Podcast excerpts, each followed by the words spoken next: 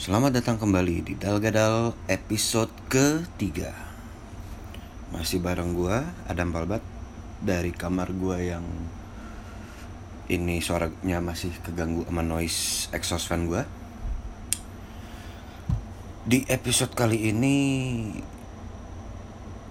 Jujur gua ngerekam Ini gara-gara Mendadak inspired aja sih gara-gara habis ngulik YouTube gitu kan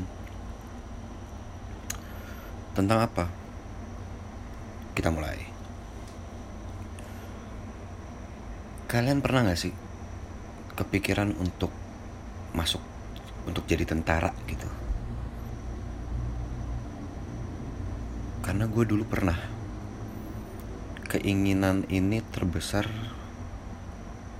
mostly kalau yang sejauh yang gue inget ya ini keinginan ini gede banget waktu gue di kuliah sih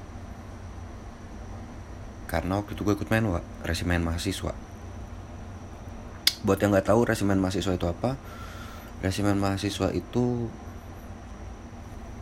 kayak dulu sih dibikinnya sama Jenderal Nasution untuk mengantisipasi pergerakan komunis di kampus.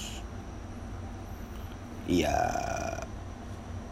despite itu kontroversi atau konspirasi atau apalah itu gue gak mau bahas di sini pandangan gue soal itu. Yang gue mau bahas adalah tentang cita-cita gue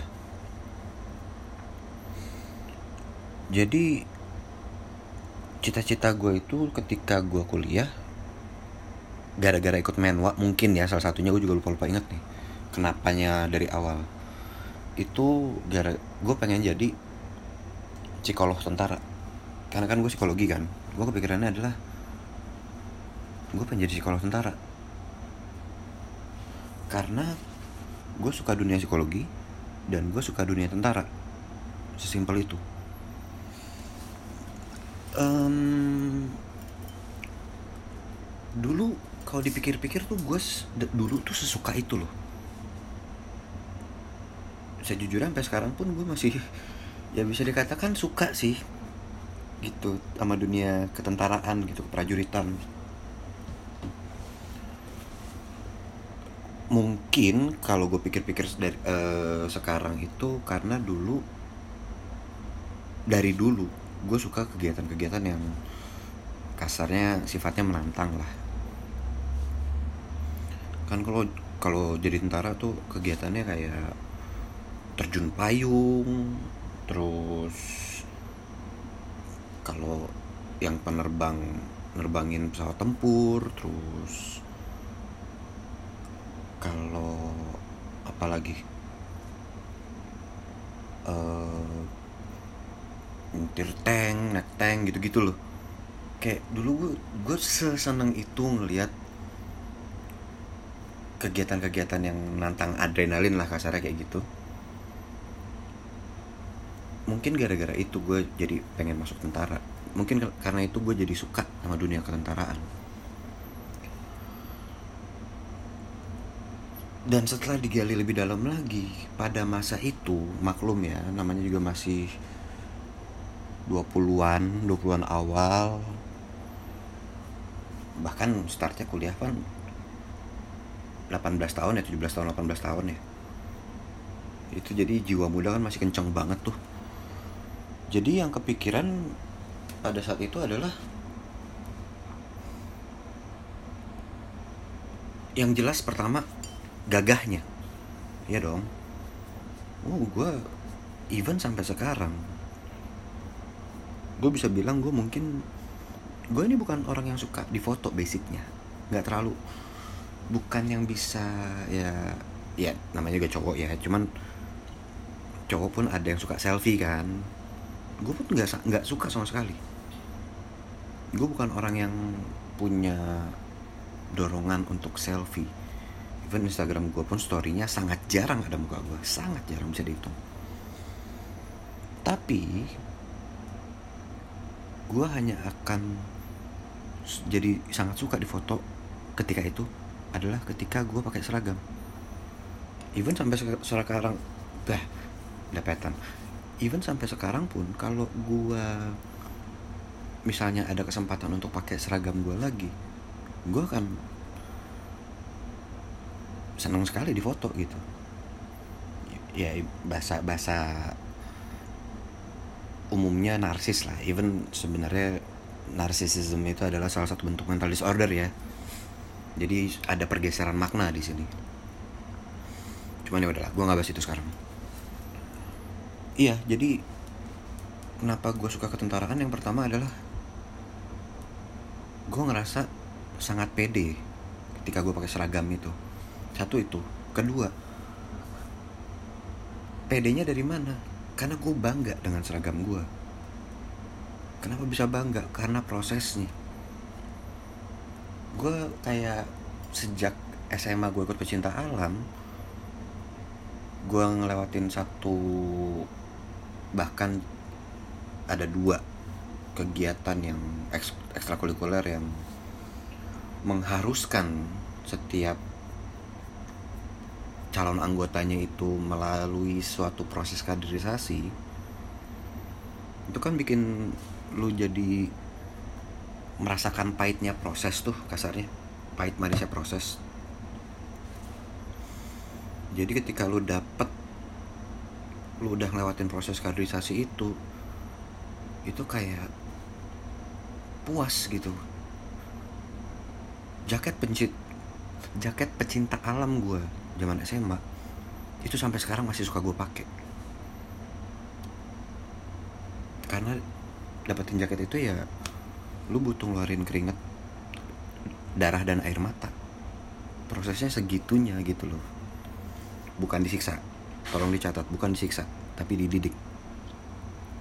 Karena memang setelah gue pikir-pikir proses kaderisasi pecinta alam itu mengadopsi mengadaptasi sistemnya tentara. Tuh. Kegiatan yang kedua di SMA itu pencak silat. Pencak silat gue itu adalah THS namanya Tunggal Hati Seminari itu pencak, silatnya yang basicnya Katolik. Itu juga ada proses kaderisasinya juga gitu. Di situ pun ya lagi-lagi gue mendapatkan suatu proses yang harus gue lewatin yang gak gampang. Sampai pada akhirnya gue lulus dan gue jadi anggota kasar gitu. Mungkin itu yang mendorong gue waktu kuliah masuk menwa kenapa bukan pecinta alam lagi? Karena gue pikir gue di SMA udah pecinta alam ngapain gue pecinta alam lagi gitu.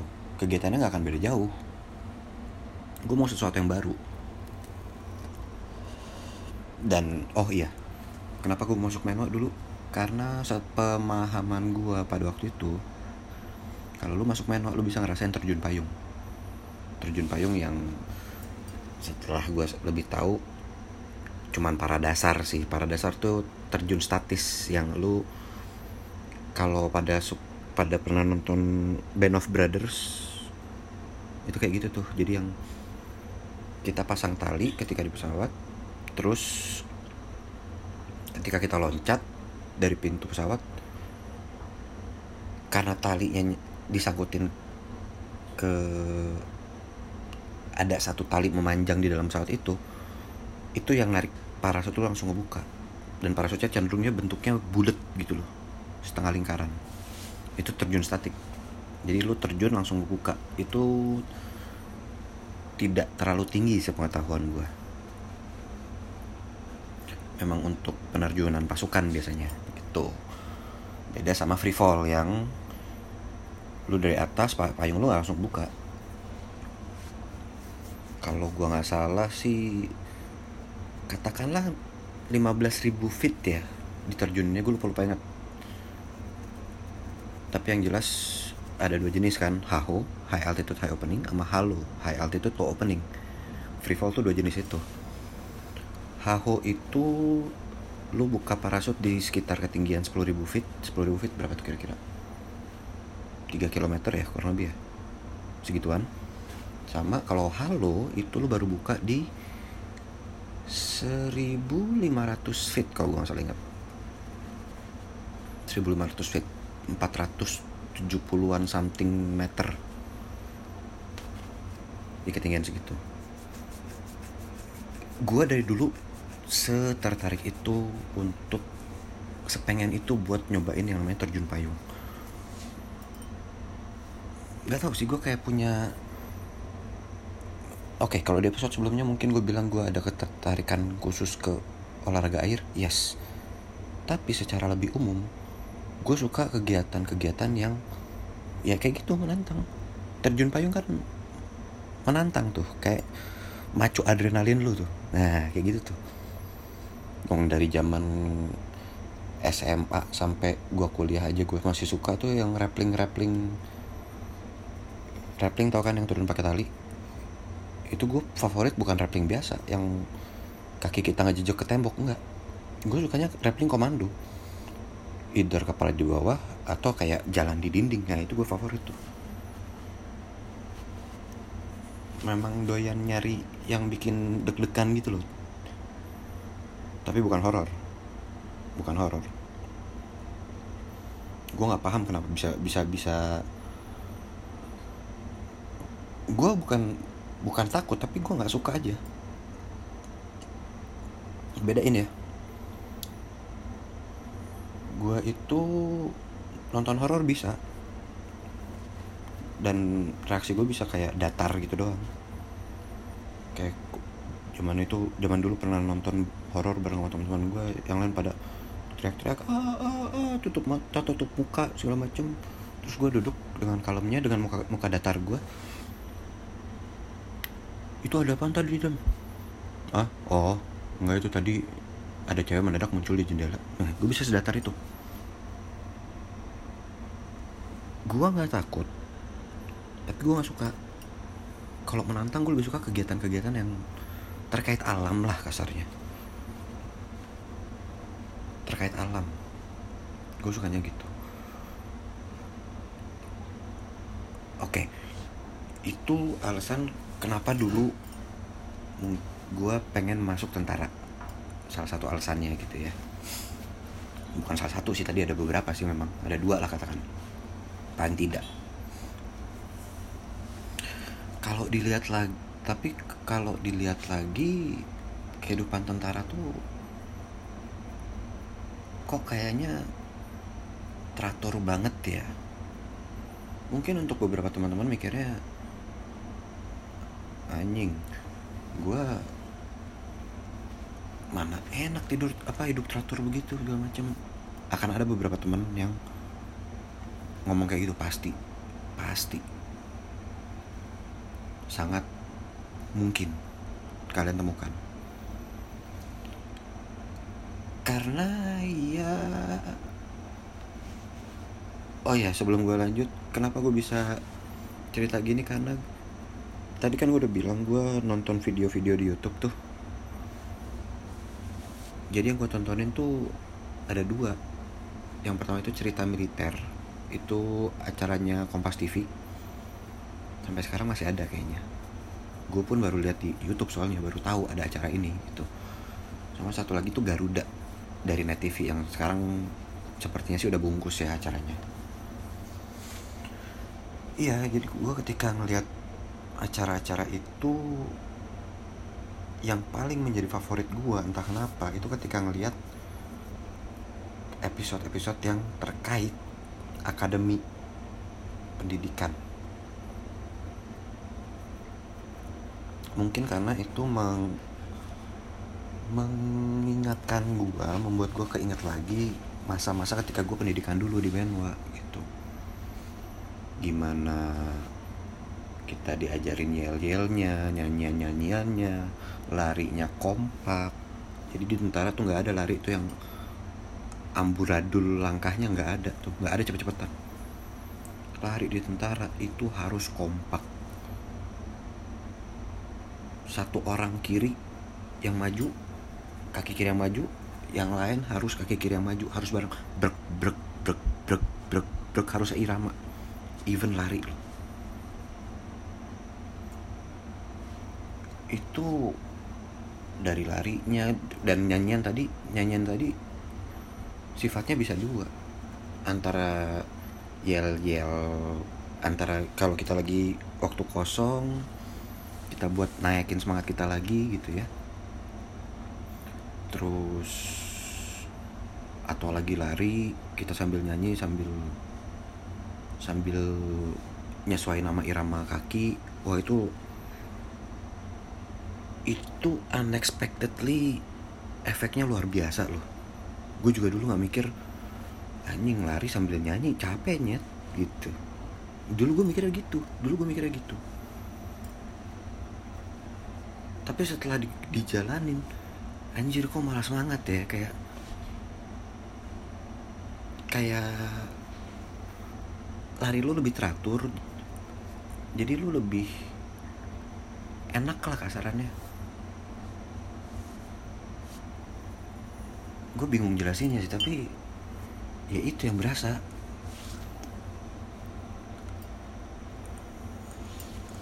Um, kalau dari gua itu gue yang dulu kan. Tapi ketika gue yang sekarang gue ngeliat dua acara ini biarpun via YouTube ya bukan via TV mohon maaf nih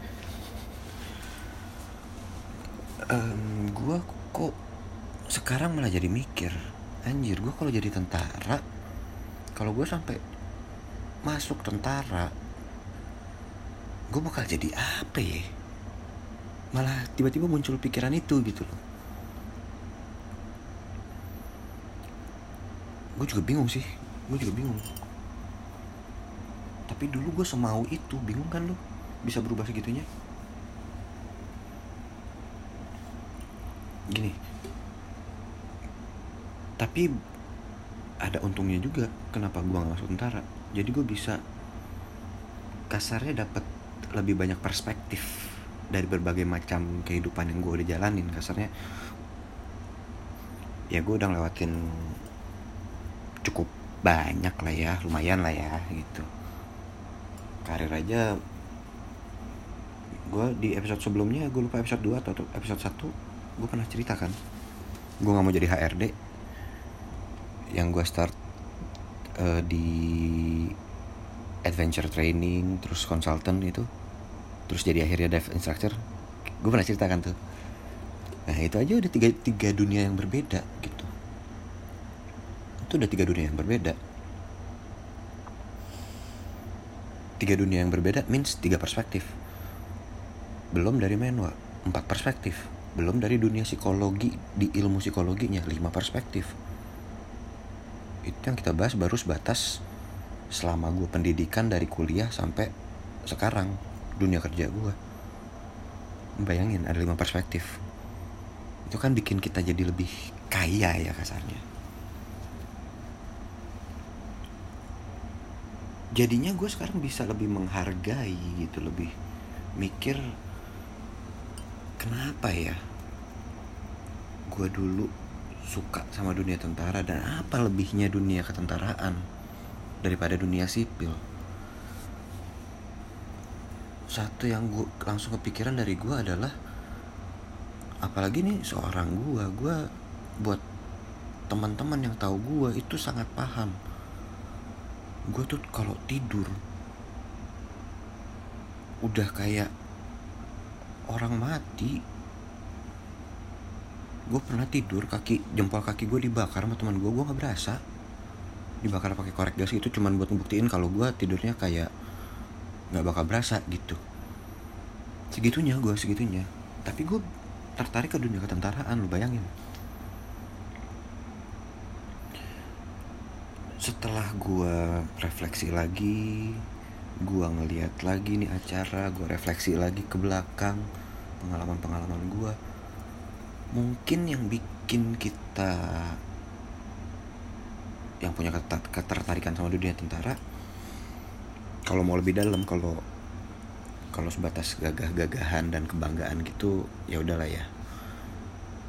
Tapi kalau mau lebih dalam itu karena ketika lu masuk ke dunia ke gaya hidup tentara lu akan dipaksa untuk keluar dari comfort zone lu. Setiap hari.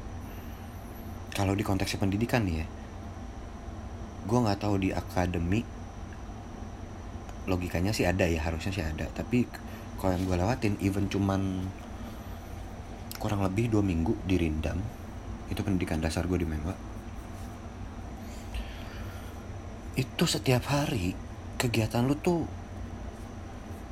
cukup bisa ditebak lah.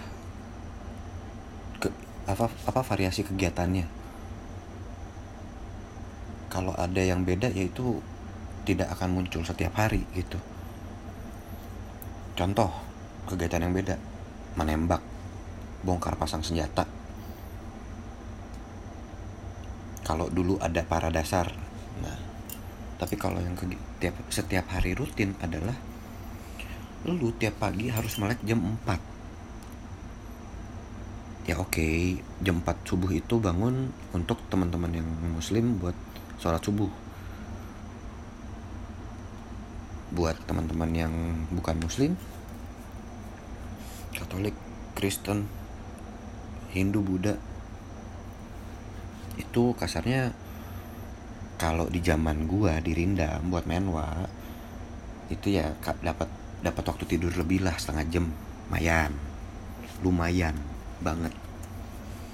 Setelah pokoknya tem setelah teman-teman balik dari sholat subuh kita langsung siap-siap baris di lapangan hitam. Untuk kalau nggak senam pagi lari pagi.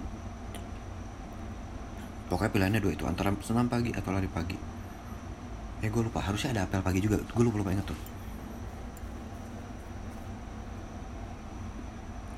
Terus abis olahraga pagi kita makan pagi bareng. Bis makan pagi itu sepanjang hari pasti akan isinya materi. Materi apa pun. Bela diri militer baris berbaris uh, senam militer lagi senam balok senam senjata atau enggak materi kelas. Pokoknya variasinya itu. Di siang sebelum makan siang kita melakukan yang namanya lari siang. Kalau hitungan kasar gue zaman dulu ya gue nggak tahu ini hitungan tepat atau enggak tapi kalau dari hitungan kasar gue zaman dulu pokoknya itu dua tiap kali kita lari menwa ya bukan secaba bukan secata menwa itu lari dua keliling li, lapangan gede. Dua keliling pinggirnya lapangan gede. Jadi hitungan kasar gue waktu itu adalah 2 kilo. Gue nggak tahu itu akurat atau enggak. Tapi yang jelas kalau di hitungan gue waktu itu 2 kilo. Lari siang abis lari siang tengah hari bo jam katakanlah jam 12 tuh lari siang atau jam 11 gitu. Pokoknya lagi matahari persis di atas loh. Abis lari siang kita makan siang. Habis makan siang materi lagi. Materi lagi. Sampai sore. Oh ya itu selalu ada jeda snack kok. Jam kalau gua nggak salah inget jam 9 atau jam 10 itu snack pagi. Jam katakanlah jam 3an ya. Jam 3an atau jam 4an itu snack sore. Gue lupa ada istilahnya tuh. Anjing iya ya apa ya istilahnya ya? Gue lupa. Ada tuh istilah istilah istilah dunia militernya tuh buat snack tuh. Bukan snack kita nyebutnya aduh ya udahlah. Lanjut oke abis snack sore jam 6 jam 7 itu makan malam. Abis itu masih materi lagi. Pokoknya jam 9 itu apel malam. Apel malam tuh selalu jam 9 kelar-kelar jam 10 gue lupa. Kadang kadang-kadang ada lari malam itu biasa sebelum apel sih. Nah pokoknya katakanlah apel malam jam 9 kelar jam 10 terus udah tuh kegiatan kelar hari itu. Kegiatan dari tentaranya. Tapi kita tetap harus cuci-cuci nyemir sepatu beberes segala macem itu jadi kita bisa baru beres itu jam 12-an baru beres cuci-cuci dan lain-lain itu jam 12-an katakanlah. Jadi kita baru tidur jam 12 dan kita harus bangun lagi jam 4 lu bayangin tiap hari kayak begitu.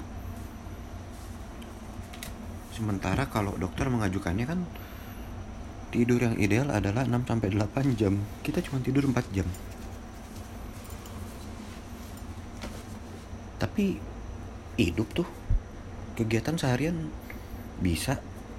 Iya biarpun tantangan terberat adalah ketika materi kelas. Materi kelas kita jangan sampai ketiduran karena ketiduran bisa me menyebabkan lu dapet hukuman. Hukumannya bisa kering bisa basah. Maksudnya kering atau basah apa? Kalau kering push up kalau basah apa? Nyebur ke kolam susu. Kolam susu adalah istilah yang dipakai untuk melambangkan satu kolam. Kalau dirindam condet itu kolam ya Allah isinya. Gue udah nggak tahu isinya itu apa aja. Tipikal bau got yang pokoknya itu air udah hitam. Wah itu baunya sih ya Allah. Dan kita kan kenapa kita masih beberes? Karena kita prinsipnya itu untuk tentara. Untuk tentara ya bukan cuma siswa ini. Prinsipnya adalah lebih baik bersih tapi basah daripada kotor tapi kering. Hmm. bayangin tuh. Jadi kalau lu punya seragam cuma satu masih mending kalau kalau ada dua. Tapi kalau cuma satu itu seragam kotor lu harus cuci tuh malam cuci itu malam lu angin anginin seadanya besok pagi lu udah pakai lagi. Ini lu bayangin. Sepatu pun begitu. Lu kudu setiap lu harus menjamin bahwa sepatu itu hampir setiap saat terlihat mengkilat. Makanya lu di kantong selalu bawa semir sama sikatnya. Gila itu oh tadi gue bilang tidur katakanlah jam 12 sampai jam 4 kan. Tunggu dulu masih ada yang namanya jaga serambi. Jaga serambi itu apa? Ya ibaratnya giliran ronda malam lah gitu. Itu satu orang satu jam. Eh enggak sorry bukan satu orang. Dua orang satu satu satu tim kecil lah dua orang. Shiftnya satu jam ya memang karena kita banyak jadi nggak setiap hari kita jaga serambi. Cuman kalau kita kebagian jaga serambi nah tidur kepotong tuh. Paling nggak enak kan tuh tidur kepotong kalau tiga jam. Paling enak kalau kita kebagian jaga serambi yang di awal banget atau di akhir banget. Biarpun tidurnya cuma tiga jam tapi ya udahlah kalau di awal banget atau di akhir banget kan ya udah lu nggak nggak nggak kepotong gitu kan. Yang paling gak enak adalah ketika yang di tengah-tengah. Lu baru tidur sejam dibangunin jaga serambi sejam bisa tidur lagi dua jam. Atau tidur dua jam udah enak-enak dibangunin jaga serambi sejam abis itu sisa waktu lu buat tidur lagi sejam. Gak enak kan tuh? Gak enak kata siapa prosesnya enak cuman oh iya belum lagi ada yang namanya pendadakan. Pendadakan atau istilah lainnya adalah alarm styling itu kita dibangunin subuh subuh mendadak. Biasanya pakai alarm pakai petasan atau apa gitu untuk men untuk simulasi keadaan darurat bahwa markas diserang itu kalau lagi alarm styling atau pendadakan gitu kita harus siap udah pakai seragam lapangan lagi. Dalam waktu yang sangat sangat sangat singkat. Bajunya sih gampang sepatunya. Ngikat sepatu. PDL pakaian dinas lapangan sepatu boots tentara itu. Itu ada ikatan khususnya. Gila sih itu paling PR tuh sepatu tuh itu baru pendidikan dasar belum pembaretan. Pembaretan tuh apa? Untuk dapetin baret. Itu lo harus melakukan yang namanya long march. Lo harus melakukan yang namanya long march. Kalau gua main gua zaman dulu sih zaman gua deket ya. Cuman dari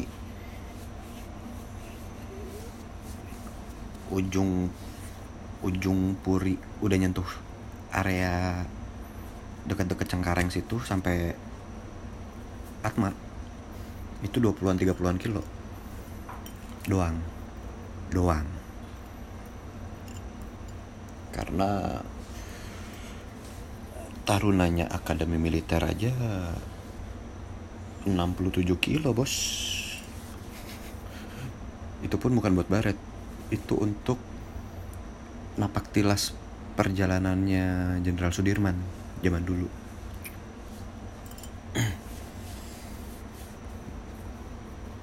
Bayangin kita untuk kita ngelakuin proses yang segitu ketika kita jalanin waktu itu gila ini kapan kelarnya gitu jujur aja dulu dulu rasanya setiap siswa pasti merasakan itu merasakan kayak anjir nih kagak kelar-kelar kapan kelarnya nih pendidikan gitu. Dan apakah ketika selesai pendidikan selesai sampai situ tunggu dulu bos? Lu balik ke markas satuan di kampus masih tetap ditatar. Belum kegiatan sehari-hari kalau lu ada terkait kegiatan menwa bukan kegiatan kampus ya terkait kegiatan menwa lu nggak disiplin wah tetap ditindak sama provos provos itu apa? Provos itu penindak.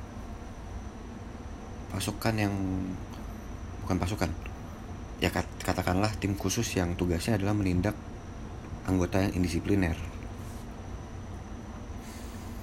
jadi gue dulu masuk Menwa ngelewatin proses tiga hari yang namanya pra pendidikan dasar itu di kampus yang mendidik itu para senior. Kemudian setelah pradiksar ke pendidikan dasar atau bahasa lainnya latsarmil latihan dasar militer itu yang dirindam yang kurang lebih dua minggu itu. Abis itu gue masih harus long march buat dapetin baret. Karena ketika lu lulus lu lulus sebagai anggota lu nggak boleh langsung pakai baret. Lu harus pembaretan dulu lu harus long march dulu. Long march dapetin baret itu baru lu jadi anggota penuh. Udah berhak pakai seragam udah berhak pakai baret. Tapi tidak langsung pakai seragam lengkap. Karena berapa bulan awal lu pakai jadi anggota penuh lu harus melewati yang namanya masa prabakti. Masa prabakti itu ngapain? Lu piket. Lu ada jadwal piket lu bagi-bagi sama teman-teman sangkatan lu satu letting lu. Untuk jaga piket di Mako markas komando. Itu ngaturnya sih luar biasa juga dan lu jaga jaga gitu doang gitu jaga di depan gitu doang duduk. Kalau nggak lu kurve mako. Kurve itu bebersih bingung gak sih? Terus apa menariknya? Gitu.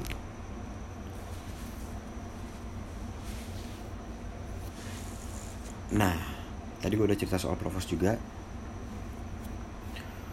Gue apakah cukup menjadi anggota penuh? Tentu saja tidak. Gue masih mau ikut jadi pendidikan mau ikut pendidikan provos lu bayangin tuh.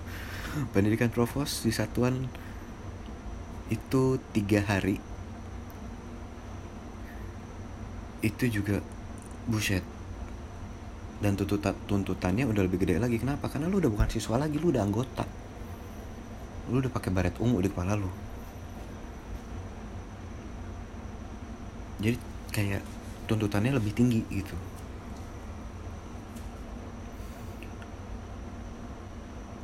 Selesai pendidikan provos apakah langsung bisa pakai seragam provos bisa.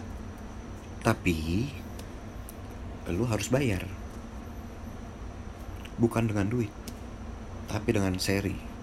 Kalau satu serinya anggota biasa itu 25 push up 25 sit up sama 25 back up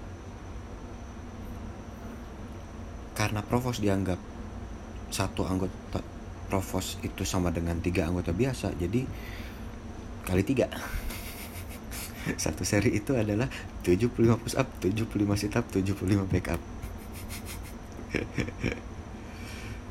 biarpun kayak kalau gue nggak salah ingat sih kami memang lebih fokus ke push upnya sih. Itu untuk setiap atribut provos kita harus bayar tiga seri provos kalau nggak salah ingat. Helm cetok yang ada tulisan profnya itu itu tiga seri. Satu. Dua ban lengan. Tiga itu tali kur putih yang ada tali kur itu yang ada fluidnya itu. Yang dipakai di lengan di bahu kanan. Tali kur putih ban lengan helm cetok selempang kopel putih sepatu kelinci. Sepatu kelinci itu yang sepatu yang ada putihnya yang kayak sepatu PM gitu. Terus kenapa satu lagi mendadak gue lupa ya? Cetok. Kita urutin dari dari kepala deh. Cetok ban lengan selempang tali kur kopel sepatu kelinci. Oh sama holster. 7 holster pistol. Kok zaman menua zaman dulu tahun 90-an itu 80-an 90-an masih dikasih pistol itu. Komandan sama kepala provos itu selalu dikasih pistol satu-satu zaman dulu. Mohon dicatat. Jadi zaman gue dulu sudah sisa holsternya doang. Yang biasanya kami pakai untuk apa? Untuk nyimpan HP um, itu masing-masing tujuh tujuh alat itu masing-masing tiga seri tujuh kali tiga 21 total 21 seri provos. Nggak langsung dibayar tapi dicicil. Cuman tetap aja kan. Nah terus apa yang dipelajarin dari situ? Kalau dari gua gua ngelihatnya adalah iya ya gaya hidup militer itu bikin kita bisa menghargai proses step by step segitunya. Se step by step itu. Ya lu bayangin. Habis tiga hari di kampus lu masih harus 14 hari di di Rindam sama tentara langsung. Habis itu masih harus long march. Dan kalau jadi provos masih harus pendidikan provos dan kalau lu pendidikan provos lu masih harus bayar uh, atribut-atributnya. Itu kan prosesnya gila ya ngebayangin ya. Itu kayak apa ya? Kalau dibayangin sekarang kok dibayangin doang? Buset itu prosesnya minta ampun panjangnya. Memang setuju. Tapi ketika kita ngejalanin selesai prediksar itu leganya minta ampun. Akhirnya prediksar beres. Oke kita siap kita siapin buat diksar diksar dua minggu. Panjang banget. Begitu kelar. Oke udah beres udah tinggal pembaretan nih. Kita jadi ngehargain masing-masing proses itu segitunya kayak begitu kelar tuh kayak leganya minta ampun. Happynya minta ampun bangganya minta ampun gila gue bisa ngelewatin proses kayak begini. Itu yang gue ceritain baru main wak lu bayangin tuh akademi militer 4 tahun. 4 tahun bos. Dan itu pun belum kelar. Ah akademi militer kalau main wak lu masih pulang ke rumah kecuali lu ketika lu pendidikan. Tapi kalau lu akademi militer lu most of the time akan di asrama. Jadi ya gaya hidup militer itu akan jadi gaya hidup lu sehari-hari gitu. Bayangin. Ya memang ada yang bilang dari tidak biasa dipaksa biasa terpaksa biasa terbiasa sampai akhirnya bisa gitu kan? Cuma kalau dipikir lagi kan orang-orang itu tetap manusia kan tetap tetap ada free willnya kan. Itu kan yang di di hold tuh ya kan? Ya itu ntar kita uh, kita bahas ntar ya. Kita lanjutin ntar. Iya kalau balik ke tadi proses gue ketika refleksi lagi ke kehidupan gue yang sudah di dunia sipil itu kok gue jadi kurang bisa menghargai proses step by stepnya ya? Oke okay, akan ada momen-momennya. Proses-proses tersebut kayak anjir kok susah ya? Kok sulit ya? Gitu. Akan ada akan ada. Anjing kenapa ada kejadian begini sih ada ada ada. Cuman ya